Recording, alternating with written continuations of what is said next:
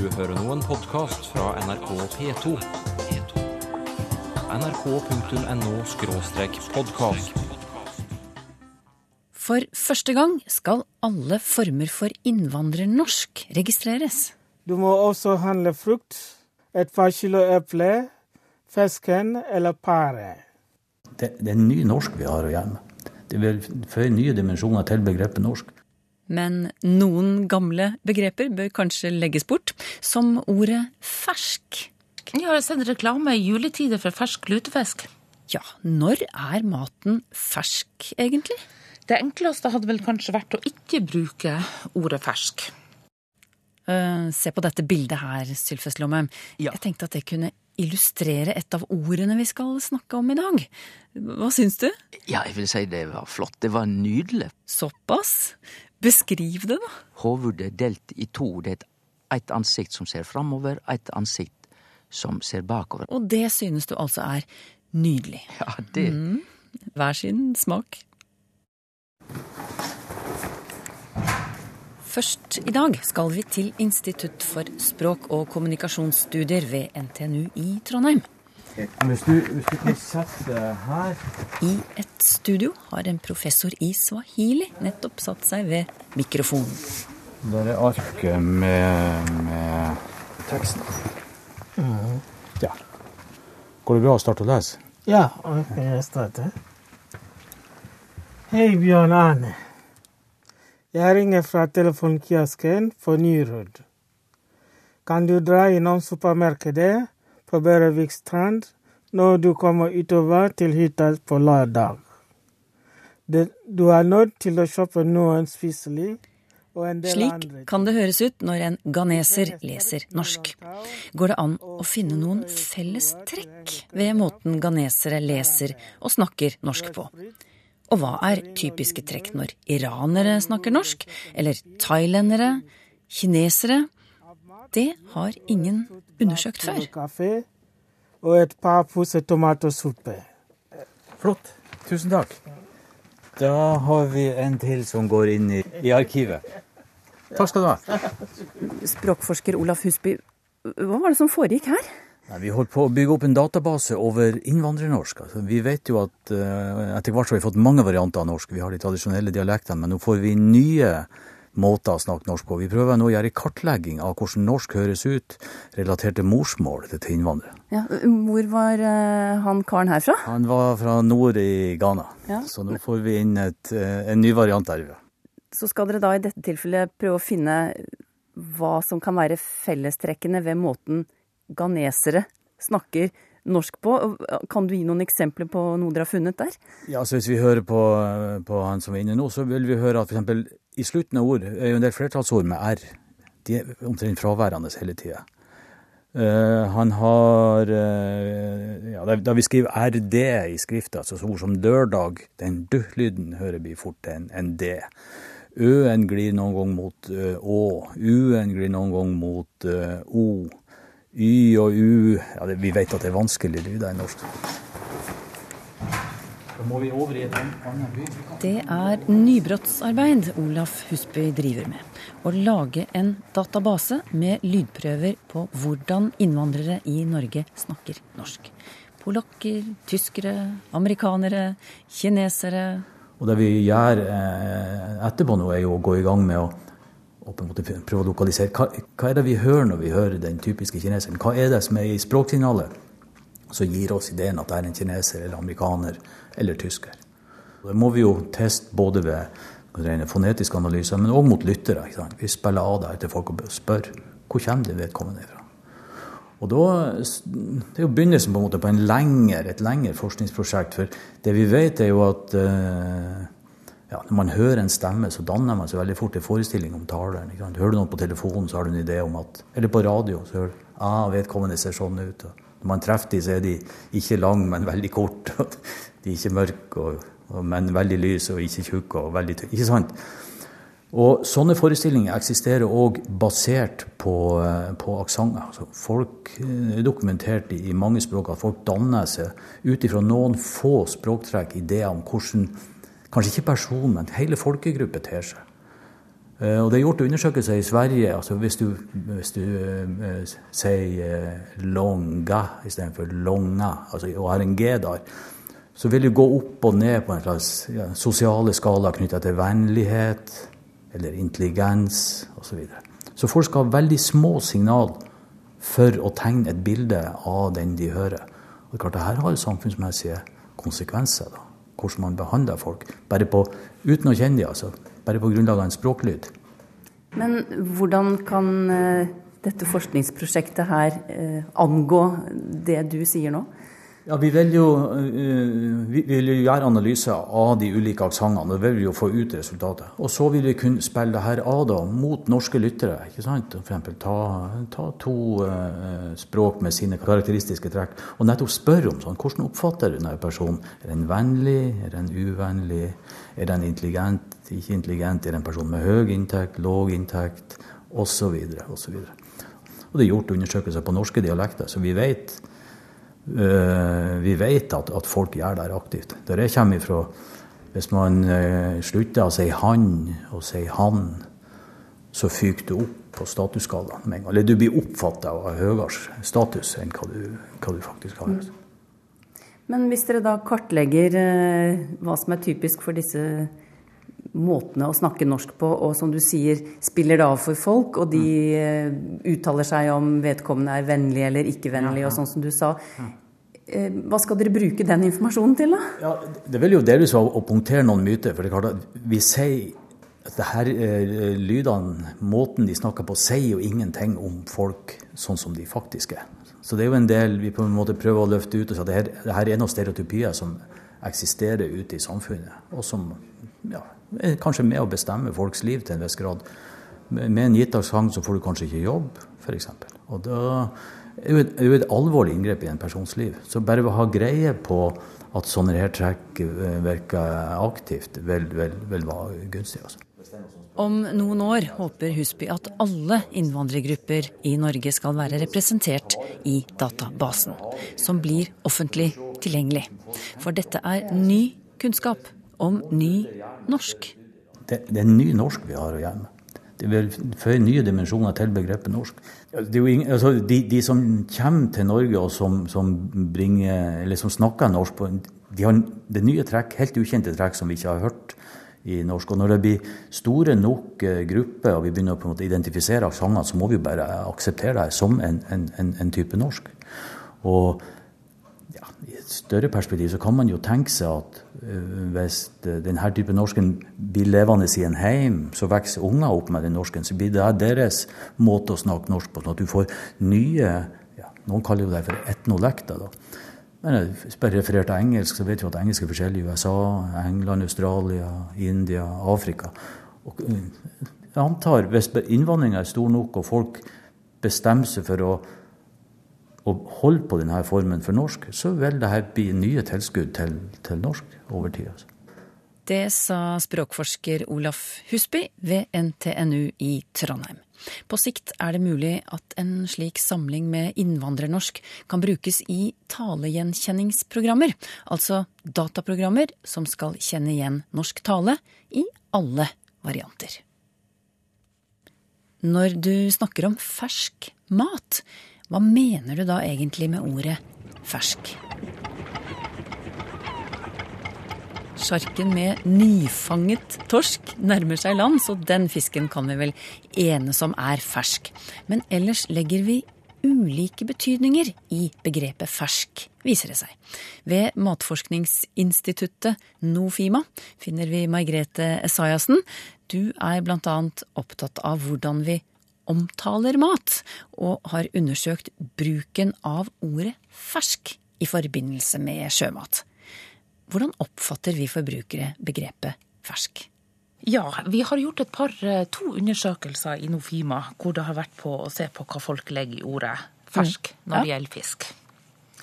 Eh, vi kan egentlig si at forbrukerne deler seg i tre ulike grupper.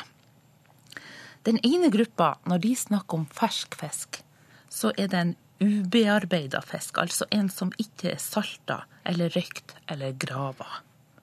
Spiller det noen rolle hvordan den er oppbevart for denne gruppen, eller? Eh, For de fleste så vil den vel være kjølt, men det fins noen som også sier at en fersk fisk kan være fryst. Jaha, Så den kan ligge i fryseren og man kaller den fersk? Ja, men da er det gjerne forbundet med at det er den fisken som de har fanga sjøl, og fryst inn like etter fangst. Ja.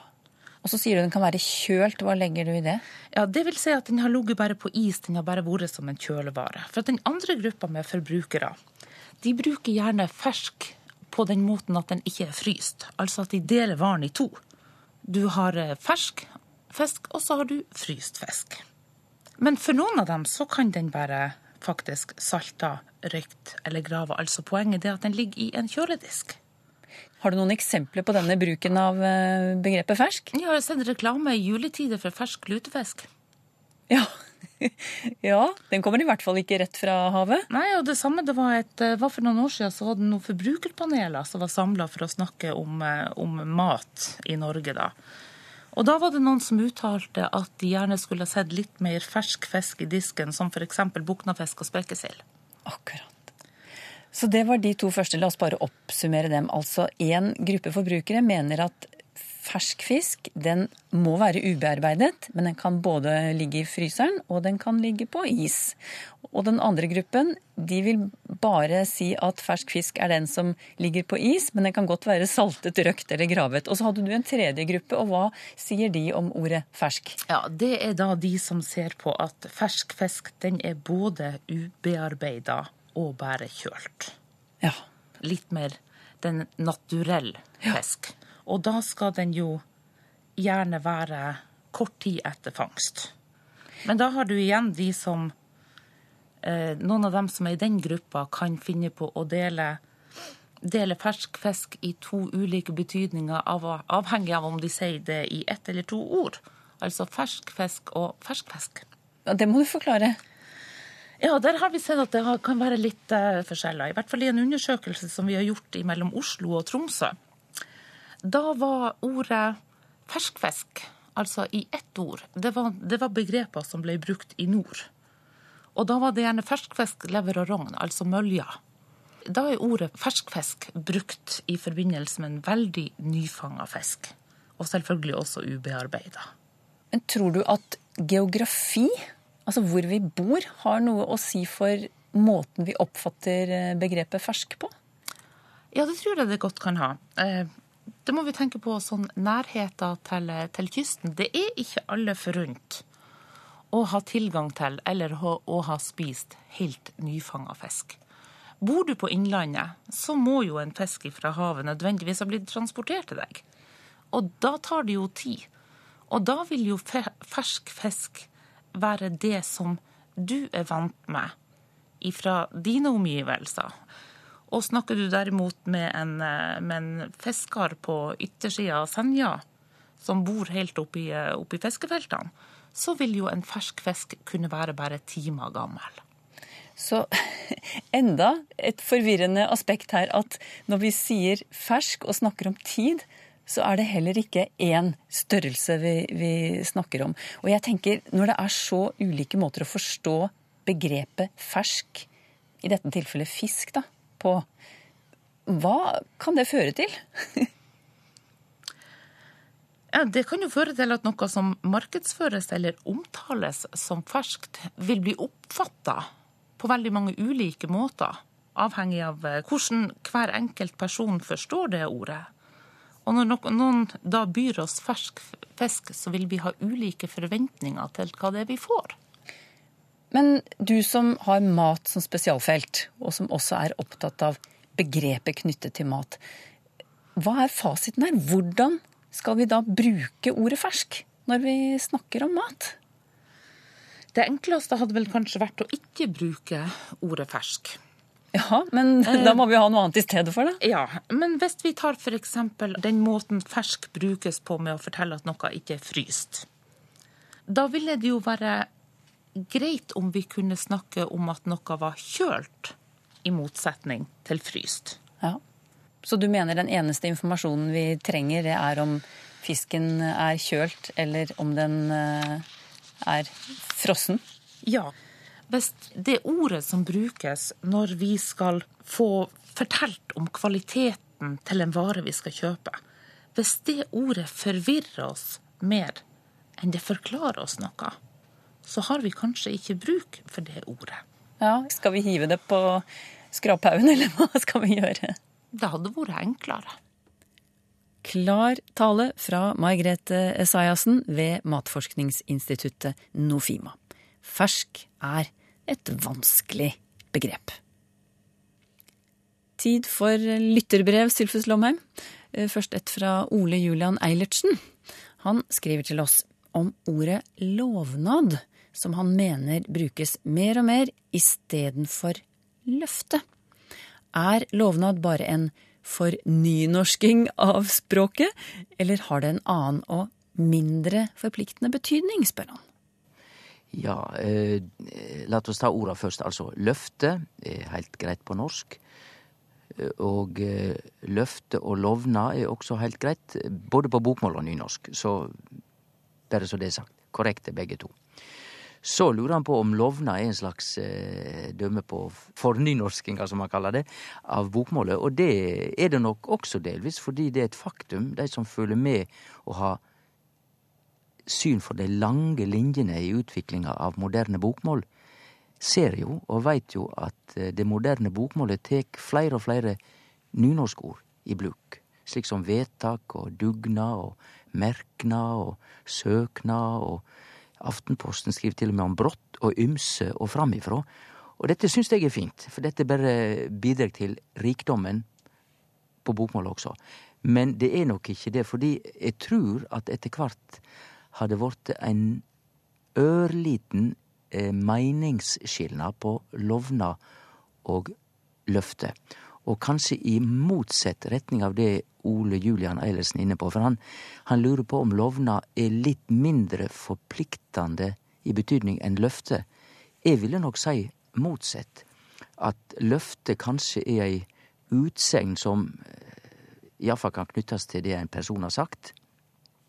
Lovnad kan også knyttes til det en person har sagt, men der ser jeg i ordbøkene òg at mange knytter det mer til fråsegn, kanskje, og da er vi over på kollektiv.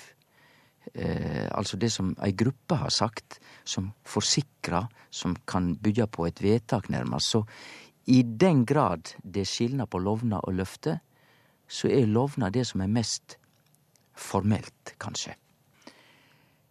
Ut ifra dette så kan vi tenke oss at parti som har hatt et årsmøte og har gjort et vedtak. De har da kommet med en lovnad om å gjøre slik og slik. De kunne òg ha sagt løfte, men ut ifra igjen det jeg sa, så vil løfte lettere assosieres med en politiker, en person. Eh, lover det, han kom med et løfte. Altså litt forskjell kanskje i bruken. Språk er gøy, skriver eh, Svein, som akkurat i dette brevet er opptatt av begrepet autoantonym, altså ord som har to motsatte betydninger. Eh, og det syns han er eh, veldig morsomt. Han forteller at han har forsøkt å skrive en artikkel om det på Wikipedia, og han har lyst til at eh, du, Sylfest, skal kommentere dette fenomenet. Ja, og det gjør jeg med glede. Det er ingen tvil om at når Svein, som han kaller seg, uten etternavn, jeg begynte å skrive om autoantonym, så har han laga en ny term på norsk. Og termen, altså fagordet, kunne vi godt ta i bruk, fordi at fenomenet finst jo. Fenomenet er altså at et ord, antonym, betyr motsett. Og auto betyr sjølv, slik at her er det motsett mening som er knytt til eitt ord. Bare eitt ord i seg sjøl kan ha altså motsett mening. Det kan vi illustrere med verbet som alle kjenner, forfordela. Og jeg tror de fleste språkinteresserte nordmenn veit at eh, det har i dagens norsk to motsette meninger.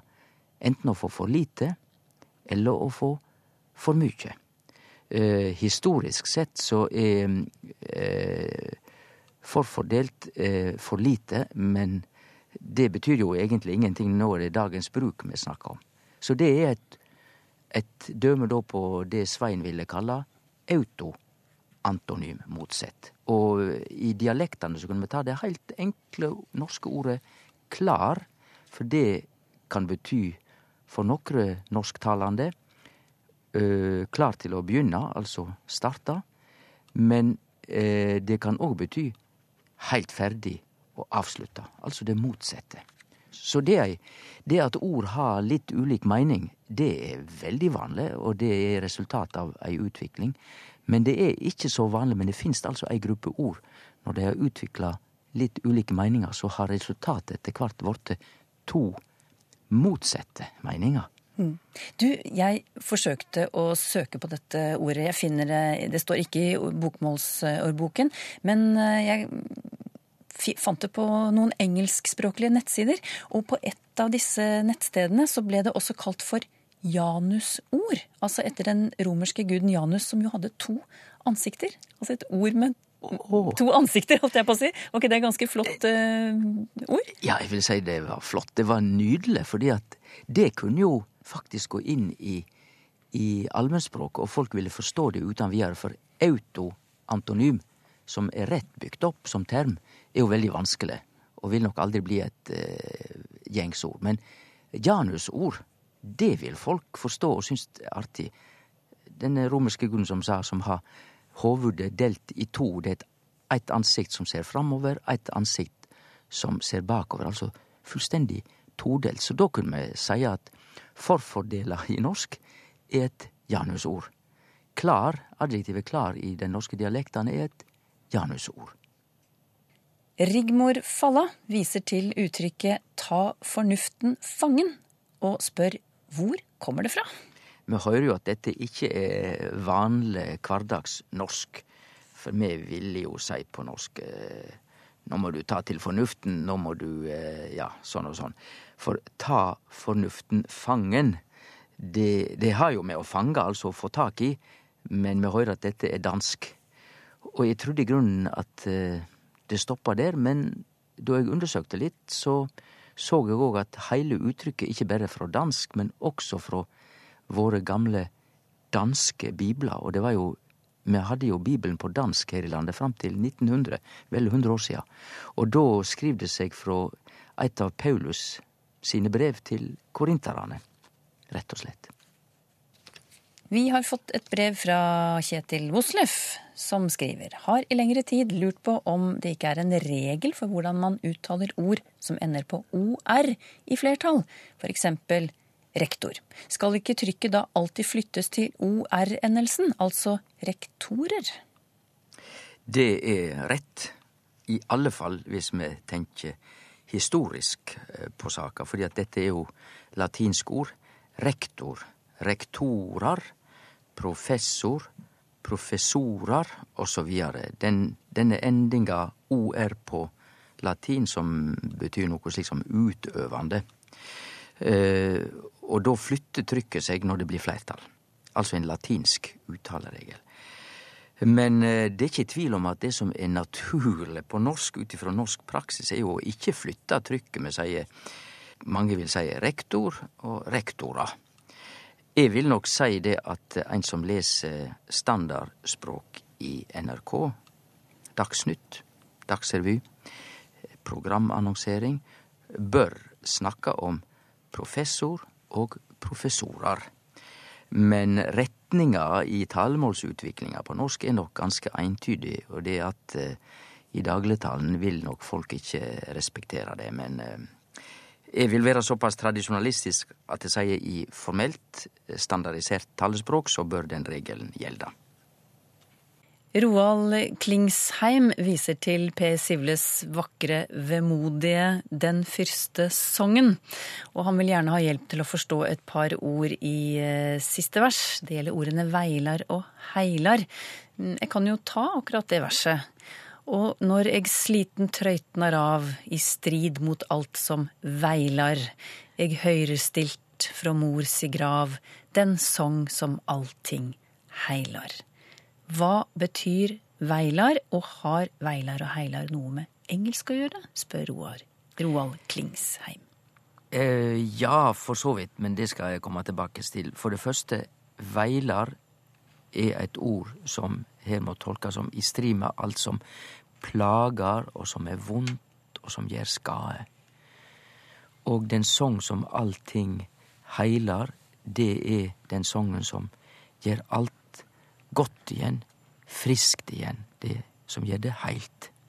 Og da kan vi ta det siste først, for all, som allting heilar, det er rett og slett i slekt med det velkjente moderne òg-ordet helse, som går tilbake til heilse, heil. For det gamle ordet heil betyr sunn og frisk. Så det å bli heil er å bli frisk og sunn. Da, da har ikke du mangler. Og med det som forklaring, så den song som allting heilar, gir veldig god mening. Så var det i strid med alt som veilar, som plager og som gjør skade. Det er et gammelt norsk ord som vart skrevet med to l-er, v-i-l-l, altså en dobbel l. Det betyr skrøpelig eller vondt. Og når jeg sier det, så betyr det nok også at uh, Roar Klingsheim, som lurer på om Veilar her kan ha noe med det engelske whale å gjøre, W-A-I-L, som tyder noe med jamring og ja, syting og klaging, så er nok ikke det riktig. Det er nærliggende å tro, men eh, det er altså ikke noe samband mellom sivle og det engelske whale. Sivles ord betyr vondt, det som er plagsomt. Det var Språkteigen for i dag. Neste gang skal det blant annet handle om nygamle ord. Som for eksempel telefonbud. Altså det, det var jo noe som var aktuelt den tida telefon ikke var allemannseie. Flere nygamle ord i Språkteigen om en uke.